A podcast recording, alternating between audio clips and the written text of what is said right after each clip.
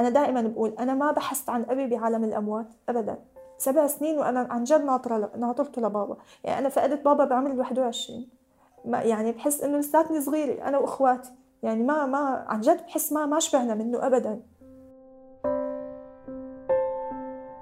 هذا صوت ياسمين شربجي صبية من مدينة دارية الواقعة بالريف الغربي للعاصمة السورية دمشق واللي شهدت أحداث عنيفة ومؤلمة. خلال أوام الحراك يلي بدأ بسوريا بشهر آذار عام 2011 يعني مو قصة بدي ضل على أمل بس إنه لا لا إنه أفقد إيناس لا. يعني نحن فقد بابا ونهرنا فيه. كيف لكان إذا لا يبعد الشر بعد الشر. يا رب دخيل ياسمين انتظرت أبوها وبعده أخوها. عم تعيش انتظار واحد بس لشخصين. ياسمين شاركتنا أجزاء من قصتها. قصة مليانة بالألم بس ما بتخلى من الأمل.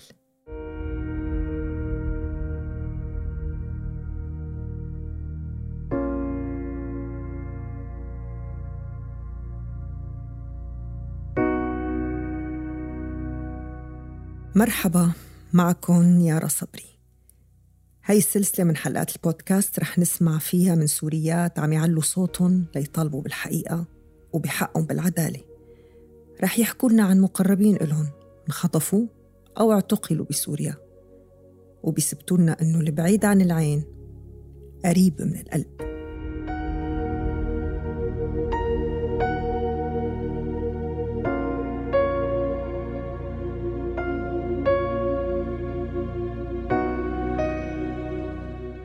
أبوها لياسمين بيشتغل بتصليح السيارات وأمها مدرسة. ست إخوة. عائلتها بتشبه كتير عائلات سورية. ياسمين وعمار إيناس ومحمد وراما وريحان. لما تحكي ياسمين عن تفاصيل حياتهم قبل الحرب صوتها بيفرح. لأنه هاي الذكريات هي تقريبا كل شي باقي لليوم بعد ما الحرب فرقت شمل العيلة. ما بعرف شو بدي خبرك على يعني الجو الأسري اللي أنا كنت عايشة فيه. أنا من بيئة ريفية.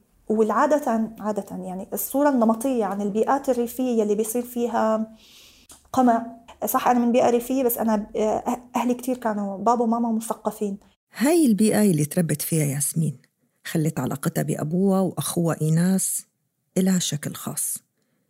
كانوا يحكوا لبعض كل شيء ويتشاركوا بكل تفاصيل الحياة اليومية وعمل المنزل كمان. هلأ آه، اللي بتذكره يعني وما بنسى أساسا بحياتي الأسرية آه، دائما توزيع الأدوار موجود وبدون على فكرة إلقاء أوامر من حالنا. إذا شافني آه، إيناس عم بجلي أو أو حتى أخي عمار إذا شافوني عم بجلي بيجوا بيساعدوني. ما كان عندنا هذا الجو تبع إنه البنت هي اللي بتشتغل بالبيت للجلي والشاب هو اللي بس بيطلع بيجيب أغراض البيت. هاي الصورة أنا ببيتي ما لها موجودة. اللي كان يجلي الجليات معي هو أخي الشاب يلي كان يشطف البيت هو أخي الشاب أنا رفيقتي ورفيقي هن إخواتي. عن جد. ما عندي ما بعرف. أنا كثير رفقاتي كلهم رفقات لبعضهم بس مع إخواتهم ما في علاقة. أنا بالعكس علاقتي الشديدة هي مع أبي وأمي وإخواتي. ببيت ياسمين كان العلم مهم كتير. أبوها لياسمين كان مصر إنه كل ولاده يكملوا تعليمهم وقبل ولاده زوجته يلي شجعها تروح على الجامعة وهي عمرها 30 سنة وعندها خمس أولاد يعني ما بعرف إذا في جو هيك جو علم يعني هيك موفر للعالم قد جوي أنا أنا وأخواتي. بابا حدا آه، ربي ببيئة إنه ما ساهموا له أهله إنه يكمل دراسته. فهو صار عنده ردة فعل إنه أنا انحرمت من التعليم ما بدي أحرم أولادي. كثير كان شديد علينا. هي الشدة وصلت لمرحلة إنه إذا اشتكت زوجته من الدراسة يقلها بطلقك إذا بتتركي الجامعة.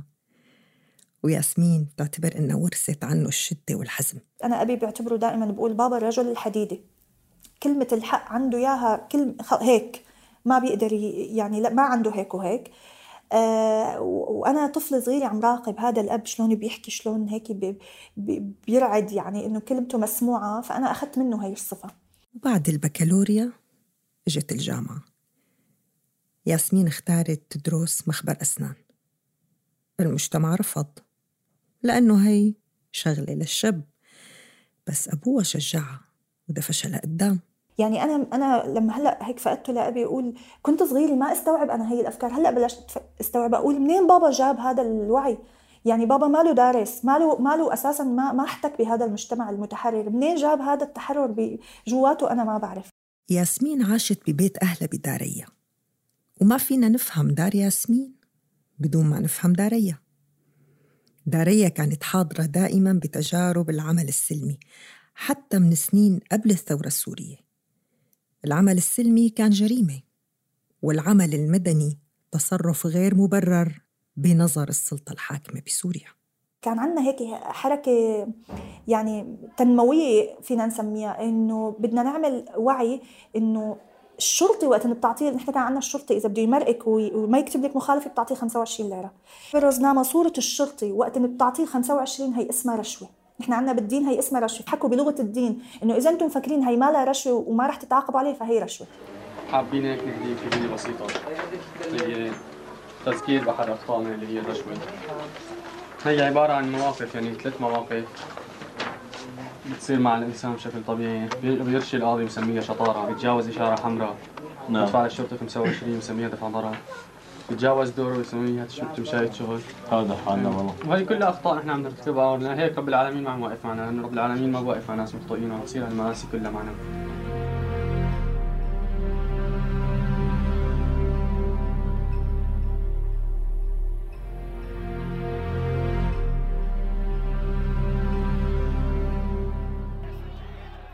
محاولات الحراك السلمي ما مرت بسلام. والدتها لياسمين يلي كانت مشاركة فيه احتجزت لمدة سبع ساعات على ذمة التحقيق. واعتقل حوالي عشرين سيدة ورجل من المدينة. بعضهم لساعات والبعض الآخر لسنتين. ضمن كل هاي الظروف ما كان أبدا من المستغرب أنه ياسمين وعائلتها يشاركوا بالحراك السوري. بنهاية 2010 بدأت أخبار ثورات الربيع العربي تتسلل لمنزل ياسمين. صارت العيلة تسمع وتشوف يلي عم يصير بتونس وبمصر. لما بلش الحراك الثوري بسوريا عام 2011 كانت ياسمين ومعها أبوها وأمها وأخوها إيناس من أول الناس يلي نزلوا على الشارع بداريا. واللي شاركوا بالتخطيط. بس الثمن كان غالي. غالي كتير. هلا آه، اعتقال أخي الأول آه، كان هو عم بيصور مظاهرة نسائية. حرائر يعني حرائر. وبهي المظاهرة بالذات أنا وماما ما طلعنا كنا مريضات كان للأسف يعني كأنه الله ما بده إيانا إنه يتاخذ أخي قدامنا. فطلعوا بالمظاهرة فجأة بيتصلوا فيني رفقاتي بيقولوا لي ياسمين نحن آسفين بس إيناس اعتقلوا النظام. هي اعتقاله الأول. بعد ثلاثة أيام بابا بيوصلني أنا وماما على صلاة التراويح بالسيارة يعني. فقلنا بس آه، شو اسمه آه، أنا ما رح أرجع اوصلكم على البيت روحوا أنتم لأنه أنا بدي أروح لعند أهلي. آه يا ريتني رحت معه. فهو راح للأسف آه، على طريقه لعند بيت أهله بيكون في حاجز طيارة. حواجز الطياره هي بتاخذ الأشخاص لأنه جاي بالاسم. يعني كان الخبر الأول تبع إيناس يعني بالنسبة لنا يعني مدمر اجى خبر بابا مثل كأنه إنه لا. أنا ما عم بقدر استوعب إنه بعد ثلاث أيام ما نحن ما ما نشف الجرح لسه لسه ما خلصنا من بس إنه نستوعب قصة إيناس. لسه إجانا خبر بابا. ف واخذوه خلاص. وهيك خسرت ياسمين أبوها وأخوها خلال ثلاثة أيام. وبدأت رحلة بحث مضنية عنهم ضمن الأفرع الأمنية والشرطة العسكرية ومن مكان لمكان. حتى بالنهاية بأحد الأماكن خبروها إنه تنسى والدها تماماً أنا هي كلمة إنه عم بيقولوا لي أبي يعني أنا أبي إنسى يعني شو هالاستخفاف بمشاعر العالم لما عم بتقولوا لبنت إنه تنسى أبوها ما ما يعني دائما لما بتذكر هذا الشيء بقول يا الله أنا نحن وين عايشين؟ شو هال شو هالوحوش اللي إحنا يعني أنت بتقبل بنتك تقول لك تقول حدا يقول لبنتك إنه تنسى تنساك؟ بس ما نسيت أبوها ولا أخوها بعد ست شهور طلع إيناس. بس ما وصل ولا خبر عن أبوها ياسمين ما وقفت النشاط. بقيت عم تنزل تتظاهر وتخطط للتظاهر. ضلت عم تدور على اللي بحاجة إغاثة وتوقف معهم. وضلت تشوف الأطفال اللي بحاجة دعم نفسي وتقدم لهم إياه. ياسمين ما شافت أبوها. بس داريا شافت كتير بهالوقت. قصف. ضرب اعتقالات. وبعدها مجزرة داريا بشهر آب 2012 حصيلة الضحايا صارت بالمئات والإعدامات الميدانية والقصف صار جزء من الحياة اليومية. نحن بعد مجزرة داريا صار كتير كتير في عنا أطفال شهداء. فلقينا أبو وهذا الأبو ما بيقدروا يوصلوا للصواريخ فصرت أعمل جلسات دعم نفسي. ما بدي أقول دعم تفريغ انفعالي للأطفال لأطفال الشهداء. ف يعني هذا الشيء اشتغلته بداريا كنا كثير هيك ننسق آه، ل يعني حملات إغاثية للعالم وقت الاعتقال آه، عيد الأم. يعني كنا نرصد مين الأمهات اللي مع أولادهم معتقلين أو اللي استشهدوا أولادهم نروح نوزع لهم هدايا ومن بيناتهم أمي يعني. فكنت هيك شغل شبابي يعني كنت أنا والصبايا والشباب. كان في تنسيق بين شباب داريا وبين حرائر داريا شباب وبنات سوا يعني. بهاي الفترة ومع تحول داريا لمنطقة ساخنة ومشتعلة بأحداث العنف اختارت العائلة النزوح لمدينة مجاورة هي صحنايا وتابعت ياسمين مع أخوة إيناس العمل المدني والإغاثي وبمجال الدعم النفسي كمان وكان عندهم خبرة كبيرة فيه خاصة إيناس اللي كان بارع بمساعدة الأطفال كان يساعدهم على التفريغ باستخدام الرسم. لكن هاي المدينة الجديدة كمان بعد عدة أشهر حملت لهم أخبار سيئة عن إيناس وكمان على أحد الحواجز. للأسف للأسف بصحنايا كمان تم اعتقاله للمرة الثانية ب 30 5 2013 آه يعني ردينا آه، دقنا آه هيك ألم الفقد والاعتقال لمرة ثانية علما أنه إحنا لسه كنا عايشين اعتقال ألم اعتقال بابا. الله يفرج لنا عنه يا رب. إيه يعني كان اعتقاله بالنسبة لنا يا الله شو شو قهر يعني. إيناس هو هذا الشاب اللي يعني أنا حابة شوي أحكي على أخي إيناس. آه إيناس آه اجى على الحياة عن جد آه بدون قابلة يعني ولا طبيب لحال يعني عرفتي؟ آه فبتقلنا ماما دائما هذا الولد حياته كتير كتير كتير يسرى.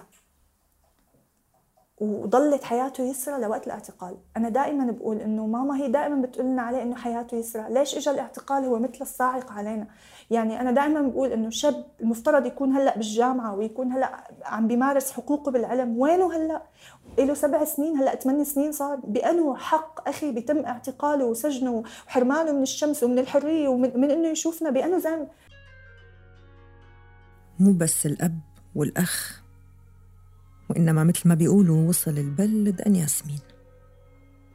طلعت على لبنان ولحقوها أهلها. وظلت ياسمين وفية لنصيحة أبوها بالتمسك بالعلم. ورجعت للدراسة. دخلت الجامعة اللبنانية واختارت فرع علم النفس لشعورها بأهمية هذا الاختصاص بالنسبة للسوريين اليوم. وهي هلأ عم تحضر لدرجة الماجستير.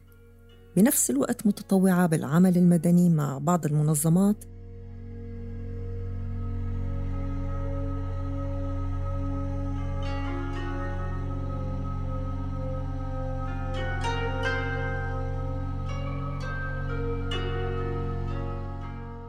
الدراسة والتطوع يلي ياسمين خبرتنا إنها فخورة فيهم كتير. اتزامنوا مع عملها بحركة اسمها عائلات من أجل الحرية. وهي حركة أسسوها أفراد من عائلات المعتقلين والمغيبين السوريين عام 2017 للمطالبة بالكشف عن مصير أحبائهم المغيبين بالسجون السورية. بدأت ياسمين تتواصل مع عدد من أهالي المعتقلين والمغيبين بهدف تنظيم جهودهم خدمة لهدفهم المشترك وأملا بالإفراج عن أحبابهم. هالنشاط مو محصور بلبنان إنما بيتخطى الحدود بالتنسيق مع مجموعات بتربطهم بعائلات تانية ببلاد تانية. وكونه حاليا في حوالي مئة ألف سوري مختفي قسرا فممكن تتخيلوا عدد الأشخاص يلي منتظرين يعرفوا عن كل شخص فيهم أي خبر. أنا كثير مع قضية المعتقلين بس صوتي لحاله أنا قوية بس صوتي صوت لحاله لو كنت قوية ما بينسمع. بس لما يكون عدة أصوات هون بيكون في عمل جماعي وبينسمع الصوت. أنا حشدت الناس من المخيمات. ناس بحاجة آه، طبطبة بحاجة للاهتمام. فأنا رفعت مقترح لحركة عائلات قلت لهم عرفت كيف فيني أكسب السيدات. الناس السيدات أغلبهم آه، يعني بيشتغلوا بالطبخ. فقلت لهم شو رايكم نعمل جلسة نطبخ فيها الأكلة اللي بيحبوها أغلب اولادكم واللي فاقدينهم وهي الأكلة كان رمضان نحن كان رمضان حيجي يعني قبل رمضان بيومين عملنا هي الحركة. قلت لهم والأكل يلي من وطبخنا كثير كثير كمية. بنروح بنوزعهم للعائلات اللي أنتم بتعرفون أكثر احتياجا وبنكتب لصاقه بنكتب إنه فرحتنا المعتقل ينتظر دعاءكم وينتظر جهادنا. فلا تنسوهم. كتبناها لهي اللصاقه ووزعناها وطبخنا. هون أنا كسبت ثقه العائلات. كانوا عشرة صاروا 30 بقيت ياسمين مكملة نشاطها الصغير بمنطقتها الصغيرة. توسع رسموا جدارية لأم حاملة صورة ابنها المفقود. وزعوا مي وورود وحكوا للناس عن المفقودين تبعهم وعن الظروف يلي عايشينها. هذا إذا كانوا عايشين. ياسمين كانت عم توزع مي وتتذكر داريا والمي اللي كانوا يوزعوها بالمظاهرات والورود. وزعت المي والورد مو بس لقضية المعتقلين وإنما كمان عن روح أبوها. بهاي الفترة تموز 2018 وصل خبر مفجع على ياسمين قالوا لها أنه أبوها عبد الحكيم الشربجي متوفي من خمس سنين.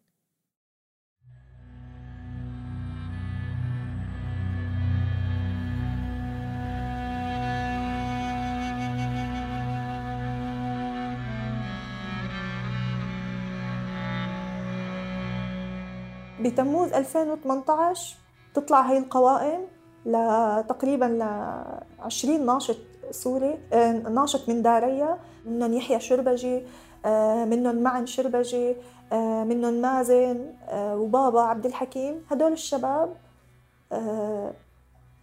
بعث لنا النظام إنه هو متوفين متوفين بنفس اليوم 15 1 2013 تصوري إنه أنا أبي معتقل من 2011 ولل 2017 وأنا أبي عم ببحث عنه وأبي من 2013 مستشهد.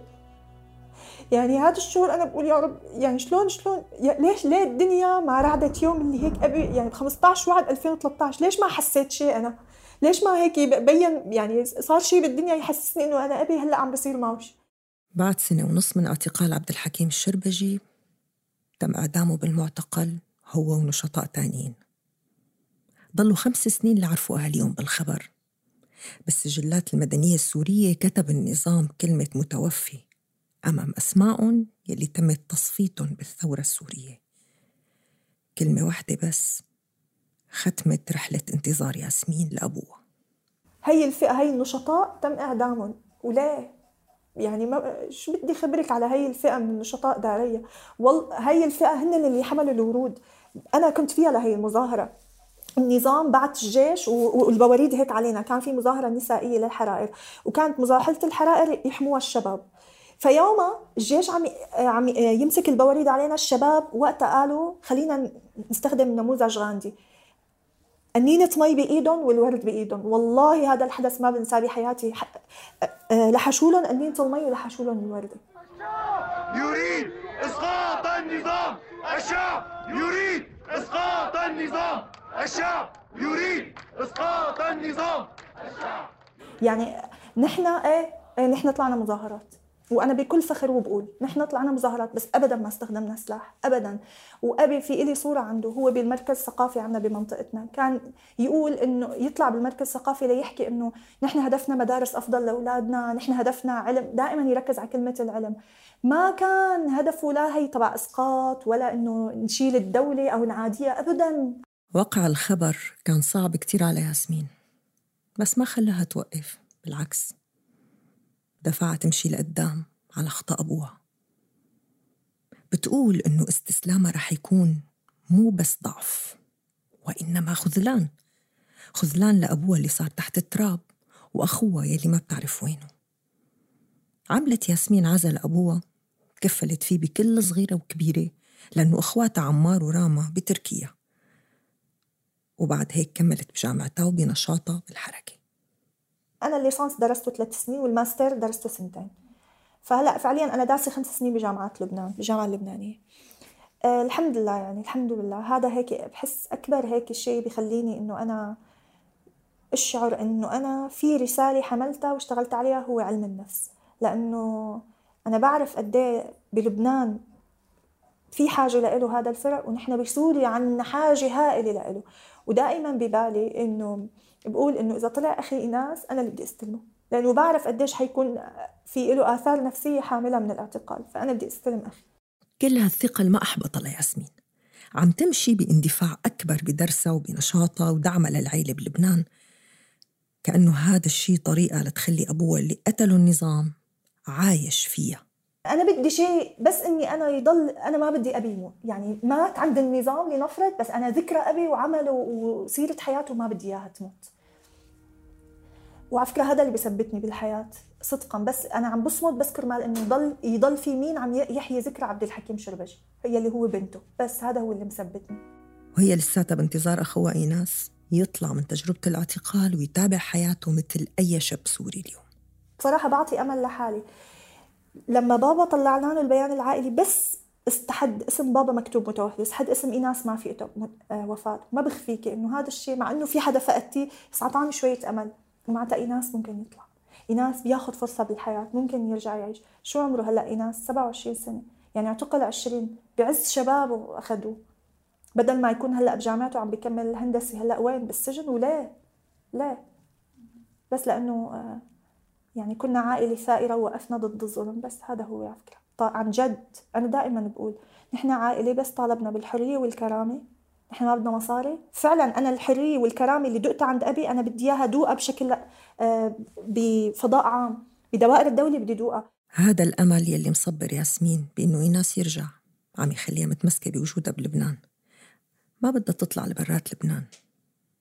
لبنان أكيد ما سوريا. بس أقرب مكان لسوريا. جبل واحد بس بيفصلهم. سوريا فعليا تبعد أقل من ساعة عن مكان هالمقابلة. ياسمين كانت ناطرة أخوها جنب الباب. بأي لحظة ممكن يدق هالباب. مشان هيك بدها تضل وراه. هلأ ولا بفكر إني أرجع على سوريا. ابدا ما فيني أتحمل الذل اللي موجود بسوريا. بس بغص على قلبي إني أطلع من لبنان بس كرمال ايناس بحس انه لسه لبنان قريب شوي على سوريا إنه ممكن شم ريحته على الاقل هيك شعورها مو ضروري يكون يعني هو ما له منطقي بس إنه أنا شعوري إنه بيقولوا لي اطلعي سافري بقول بقول إنه لا لسه في في جبل على الأقل بس فاصلنا بين سوريا ولبنان أما إذا طلعت على أوروبا ما بقى في شيء يخليني شعور روحاني يعني. بدها تضل قريبة في حال ندق الباب ومشان إذا انفتح الباب ترجع لبيتها لتعمره لتبني الوطن من جواته من الإنسان. من جواته. نحن رجعنا للصفر رجعونا للصفر للصفر. بس أنا بعرف تماما إنه هي العقول اللي هلأ عم بتهاجر في منها في منها رح تضل بس في منها رح ترجع وبدها تبني سوريا وأنا منهم.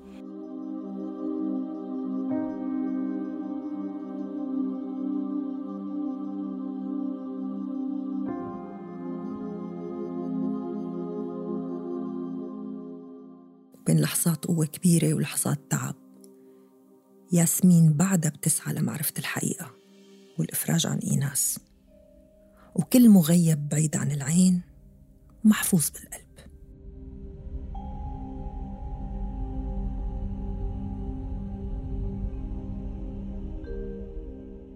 كنت معكم بالتقديم أنا يارا صبري.